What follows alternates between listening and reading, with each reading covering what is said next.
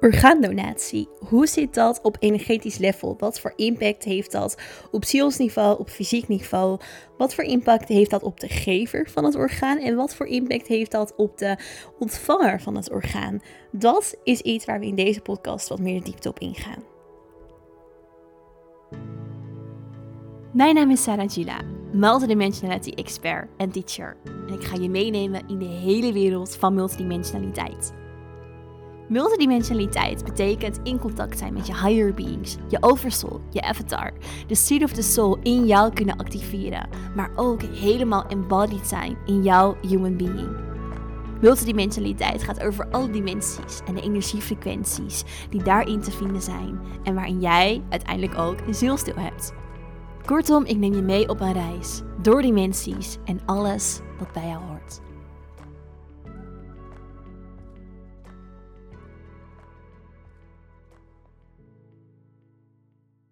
Welkom bij weer een nieuwe aflevering van de Inspirit Podcast. Super leuk dat je luistert. Bij deze een aflevering waar ik een aantal keer, nou ja, misschien wel het afgelopen jaar of maanden vragen over heb gekregen.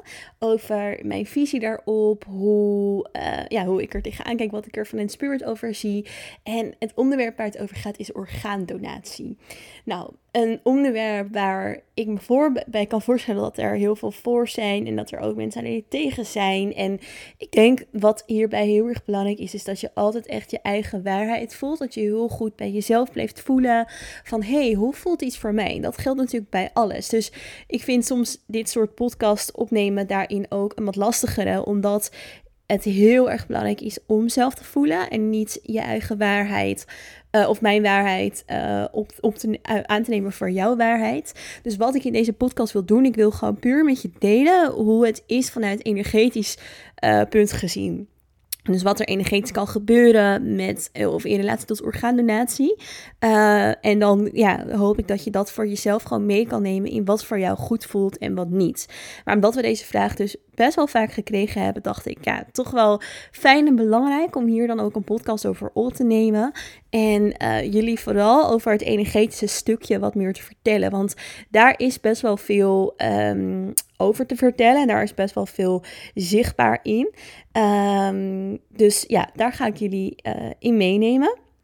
En bij dit onderwerp moet ik eigenlijk gelijk terugdenken aan een sessie die ik ooit met iemand heb gehad. En zij voelde een hele sterke leegte in haar hartgebied. Een hele sterke leegte bij het hart. En ze zei, ja, ik heb soms gewoon bijna het gevoel alsof ik geen hart heb. Alsof ik het niet kan openen. En ze zei, dat is natuurlijk gek, want natuurlijk heb ik wel een hart. Alleen op een bepaalde manier kan ik er zo geen voeling mee krijgen. Kan ik er zo niet uh, contact mee, mee voelen, mee krijgen. Um, en het was nog best wel een jonger iemand, een jong meisje. En ze zei, dat vind ik heel lastig, want ik vind het daardoor bijvoorbeeld heel moeilijk om het te openen. En ja, ik, ik voel een bepaalde afkeer daarin in mezelf, tegen eigenlijk dit gebied, juist in mezelf. En uh, uiteindelijk kwamen we erachter in deze sessie dat dat zij in een andere tijdlijn um, haar hart heeft weggegeven. Uh, dus dat zij een donorhart heeft, uh, of haar hart heeft afgestaan. En um, dat heeft invloed op de tijdlijn waar waarbij ze bij mij kwam. Dus de tijdlijn waarin ze nu in dit leven zit. En hoe dat werkt is dat alles is met elkaar verbonden. Dus je fysieke zijn en je organen, je organen bestaan uit cellen, zijn verbonden met het etherische zijn, met, het, met ons energetische zijn. En alles wat op een bepaalde manier in onze cellen zit en de organen die geven een soort afprint af aan ons etherische energetische zijn. Nou, als er dus een, een, een orgaan verwijderd wordt, en dat wordt vaak al gedaan, uh, kan of kan gebeuren als iemand bijvoorbeeld al in coma ligt of hersendood is. Uh, dus dan is het lichaam eigenlijk nog niet eens echt dood. Het lichaam is nog verbonden met de ziel. Dus het moment dat iemand in coma ligt, dan is het lichaam um, energetisch nog steeds verbonden via een verbinding. Die verbinding noemen we het zilveren koord. En die verbindt eigenlijk het energetische zijn met het fysieke zijn. Nou, je kan je misschien voorstellen dat als je dus eigenlijk nog niet fysiek echt dood bent, of nog niet overleden bent in het fysieke en dus in coma ligt of hersendood bent, dat je ziel nog steeds verbonden is aan het um, fysieke zijn. Als daar dus een orgaan wordt weggehaald, dan geeft dat ook een afdruk achter aan dat energetische zijn. En dat is juist het stuk wat doorwerkt in de andere tijdlijnen. Wat doorwerkt in de andere vorige of volgende levens. Dus als daar een orgaan wordt verwijderd, dan heeft dat invloed op het e- energetische zijn wat je meeneemt naar je andere tijdlijnen. En wat daar dus een bepaalde leegte achter blijft in dat stukje. Dus het kan zo zijn dat je dan op een andere tijdlijn in een vorige of volgend leven um, ja, een bepaalde leegte bij je draagt, omdat dat orgaan miste in jouw fysieke lichaam. Um, ja, omdat het verwijderd is. En dat brengt eigenlijk bij een ander puntje, wat denk ik een belangrijke ook is om mee te nemen. Want die vraag krijg ik vaak van mensen: hoe gaat dat dan voor, hoe is het voor de ziel die dan dus overgaat naar de overgangslaag? Ik heb daar andere podcasts over opgenomen. Ik weet toevallig welke afleveringen dat zijn. Aflevering 27 en aflevering 70. Ik moest dat even opzoeken voor iemand uh, gisteren. Um, maar daarin gaat het over de overgangslaag waar we naartoe gaan als we overlijden. Dus de ziel gaat dan naar een overgangslaag. En um, alleen die ziel is daar nog niet als dus iemand bijvoorbeeld hersendood is. Dus de vraag is ook, wanneer is iemand echt overleden? Vanuit het fysieke gezien zien we misschien dat bijna al als een overlijden, als een moment van, nou ja, het, het lichaam is gewoon op, het lichaam kan niet meer, maar de ziel is nog steeds heel erg verbonden. Dus de vraag is ook van, ja, dat moet je eigenlijk op een bepaalde manier meenemen. Dus voor je ziel heeft het meer effect dan je misschien denkt dan voor het fysieke, um, voor het fysieke zijn. Dan, wat ik ook een keer heb meegemaakt in een sessie, is um, ik heb een keer iemand begeleid en diegene heeft een donornier gekregen. En um, deze donornier kreeg zij van haar vader. En zij merkte ineens dat een tijdje na de operatie merkte ze het zelf op dat ze steeds meer in haar karakter ging veranderen. Dat ze steeds meer karaktertrekjes ging overnemen op een bepaalde manier van haar vader. En van ja, letterlijk echt veel meer dingen waarvan ze zegt, ja, dat herkende ik eigenlijk helemaal niet. Maar ineens vanaf de operatie en toen dat gebeurde, um, ja, merkte ik dat ik steeds meer op hem ging lijken. En nou, dat kan dus zo zijn, want alle informatie van onze ziel, en daarmee heb ik het over je identiteitsstukje, dus het karakter, maar ook echt de lijnen, um, gedragspatronen, echt diep celgeheugen, zouden we kunnen zeggen, ligt opgeslagen. Of, of ja, in ook je organen. Want je organen bestaan uit cellen. Dus alles vanuit jouw zielstukje, dus ook karma, um, ligt in je cellen opgeslagen. En dus ook in je organen, want je organen bestaan uit cellen. Dus dat is best wel connected aan jouw ziel zijn. En als jij dus een orgaan afsta afstaat aan iemand anders. Nu is dit wel nog een voorbeeld van vanuit de familie, maar het kan ook juist zijn um, nou ja, van een, iemand die je niet kent, dan kan het dus zijn, of dan is de kans eigenlijk heel groot, dat je karma overneemt van die persoon waarvan het orgaan eigenlijk is. Omdat daar in de cellen dus die informatie zit opgeslagen. Um, dus dat is ook op energetisch level best wel een impact voor um, voornamelijk de ontvanger. Dus de ontvanger zal daarin dus ook allerlei karma overnemen, wat eigenlijk niet per se het karma is van, ja, van jouw ziel, dus als ontvanger, maar dus van degene die, um, ja, van, van wie het orgaan hebt. En dat heeft eigenlijk ook weer gevolgen als we hem weer terugkoppelen naar degene die het orgaan afstaat. Want het karma blijft op een bepaalde manier hangen op aarde. Dus stel, in dit geval gaat het over een nier. Nou, een nier kan je natuurlijk afstaan.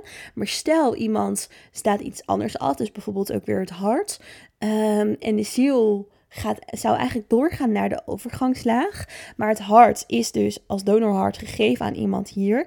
Dan is de ziel op een bepaalde manier dus nog levend op aarde. Op een bepaalde manier is het connected uh, met aarde. Want er is nog steeds een stukje van de ziel die hier op aarde aanwezig is.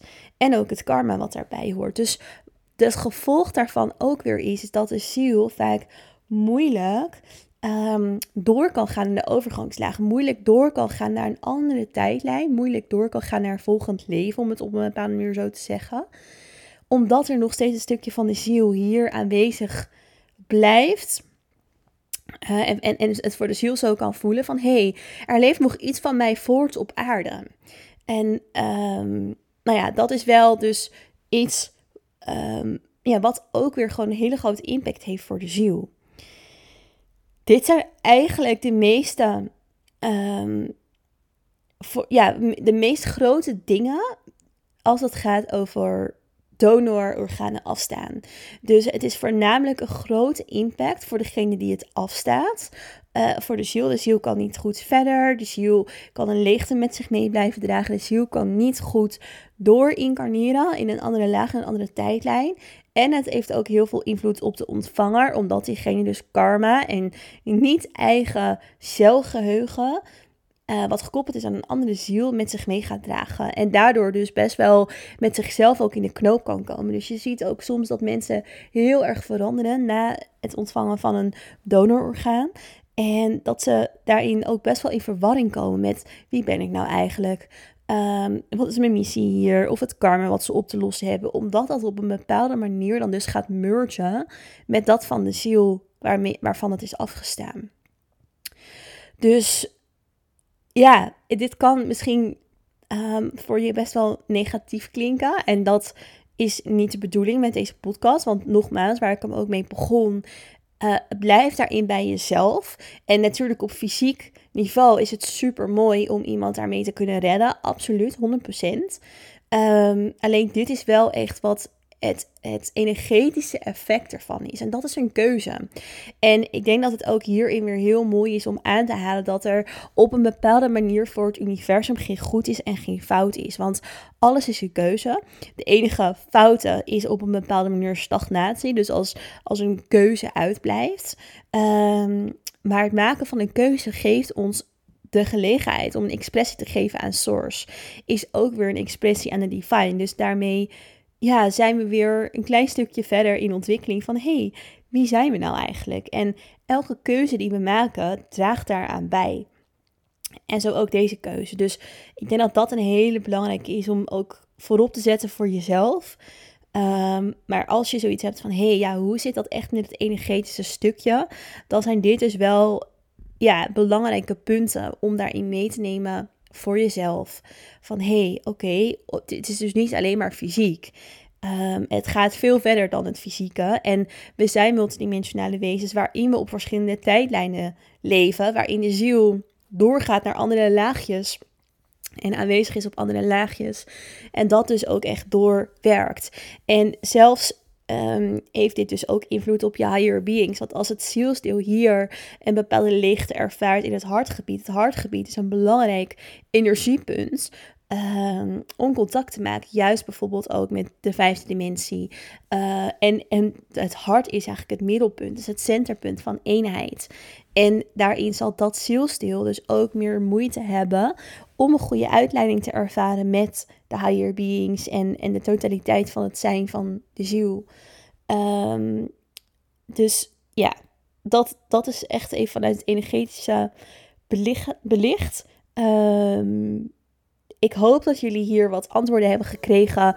Ja, dus nogmaals, echt puur over het energetische stukje. Verder laat ik het natuurlijk bij jullie wat je hierin voelt, wat je hierin wilt. En ja, ik kan niet vaak genoeg zeggen, nogmaals, dat er natuurlijk ook hele mooie uh, kanten aan zitten. Waarin iemands leven is gered. En uh, ja, misschien jij nog een naaste in je omgeving hebt. Of er zelf nog bent. Um, en dat is natuurlijk ook aan de ene kant iets om heel erg dankbaar voor te zijn. Um, maar het is ook goed om te weten vanuit het, het grotere plaatje gezien.